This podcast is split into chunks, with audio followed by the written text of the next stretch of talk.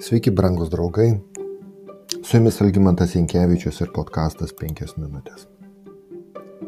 Samuelis, palikdamas tėvų namus, atsidūrė gana, kaip čia pasakius, abejotinoje aplinkoje. Tarnaudamas padangti jis matė Elio sūnų kunigų, švelniai tariant, netinkamą elgesį. Elio sūnus buvo niekšai. Jie nepaisė nei viešpatės, nei kunigų pareigų žmonėms. Kam nors atnašaujant auką mėsai dar tebe, tebe verdant, ateidavo kunigo tarnas su trišakė rankoje ir pasmeigdavo ją katile ar katiliuke, ar skardoje ar puodė. Visą, ką šakė iškeldavo, kunigas pasimdavo savo. Taip jie elgdavosi šilojyje su visais ateinančiais izraelitais. Be to, Prieš sudeginant aukus, kunigo tarnas ateidavo ir liedavo atnaušiaujančiam auką, duok mėsos kunigo kepsniui, nes iš tavęs jis virtos mėsos nepriims, tik šviežią. O jeigu tas žmogus sakydavo, leis pirmą taukus paversti dūmais, tuomet imk ką nori, jis atsakydavo, ne, turi duoti to jau pat, jei neduosi, pats pasiimsiu. Taigi tų jaunų vyrų nuodėmė viešpačių buvo labai didelė, nes jie išniekino atnašas viešpačiui. 1 Samuelio knyga nuo 12 iki 17 eilutės. Šitie kunigai nematė ribos tarp kunigo tarnavimo ir savo apetito patenkinimo. Taip pat apie juos sakoma, tame pačiame skyriuje, kad jie sueidavo su moterimis tarnaujančiamis prie įėjimo į sutikimo palapinę. Taigi tuos, kurie atėjo su atgaila ar dėkodami viešpačiui, jie kaip ir savotiškai, kaip čia pasakius, stumė šalino padangtės kai jie matydavo tai, kas ten vyko. Ir savotiškai traukė prie savęs tokius, kurie troško nuodėmingų malonumų. Paversdami susitikimo palapinę ištvirkavimo namais, jie ne tik pataikavo savo aistroms, bet ir parodė blogą pavyzdį visam Izraeliui.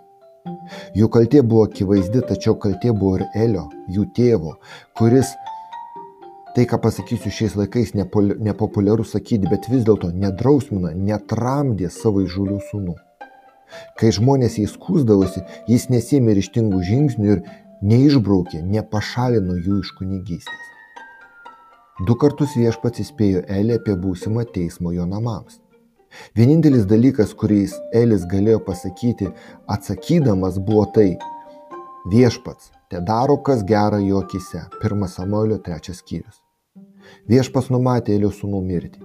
Jis parodė, kad jų mirtis nebus atsitiktinė, bet tai bus ženklas Eliui, kad jie baudžiami už savo nuodėmės. Viešpats tarė, likimas tavo dviejų sūnų, Hofnio ir Finehaso, bus tau ženklas. Ta pačia diena jie abu mirs. Tai buvo ženklas ir ši žinia buvo skirta ne tik Eliui, bet ir jo sūnums. Kam? Kad jie ateitų galų galiai protą. Tačiau du įžūlus nusidėliai ignoravo šį Dievo žodį. Tikėdamasis juos nukreipti nuo blogo kelio, viešpas trumpam atskleidė jiems ateities šydą, kad parodytų jų nešlovingą gyvenimo pabaigą. Juk natūralu tikėtis, kad išgirdę šią pranašystę sūnus pakeis savo gyvenimą, kad nesulauktų ir išvengtų jos išsipildymo. Juk jau buvo taip, kad viešpas dėl atgailaujančių nusidėlių atšaukė savo ketinimus juos sunaikinti. Pranašas Jeremijas turi tokią padradisinančią pranašystę. Nedorilio karaliaus Jochimo valdymo pradžioje viešpats tarė Jeremijai. Taip kalba viešpats, stovėk viešpaties namų kieme.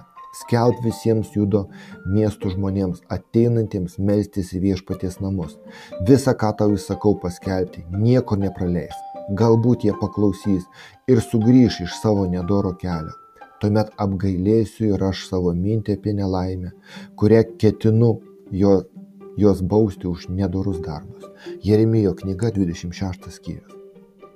Jeigu taip galima sakyti, kurdamas, numatydamas šią pranašystę apie Elio sūnų mirtį, Dievas nors ir numatė jų mirtį, bet iš anksto jos nenustatė.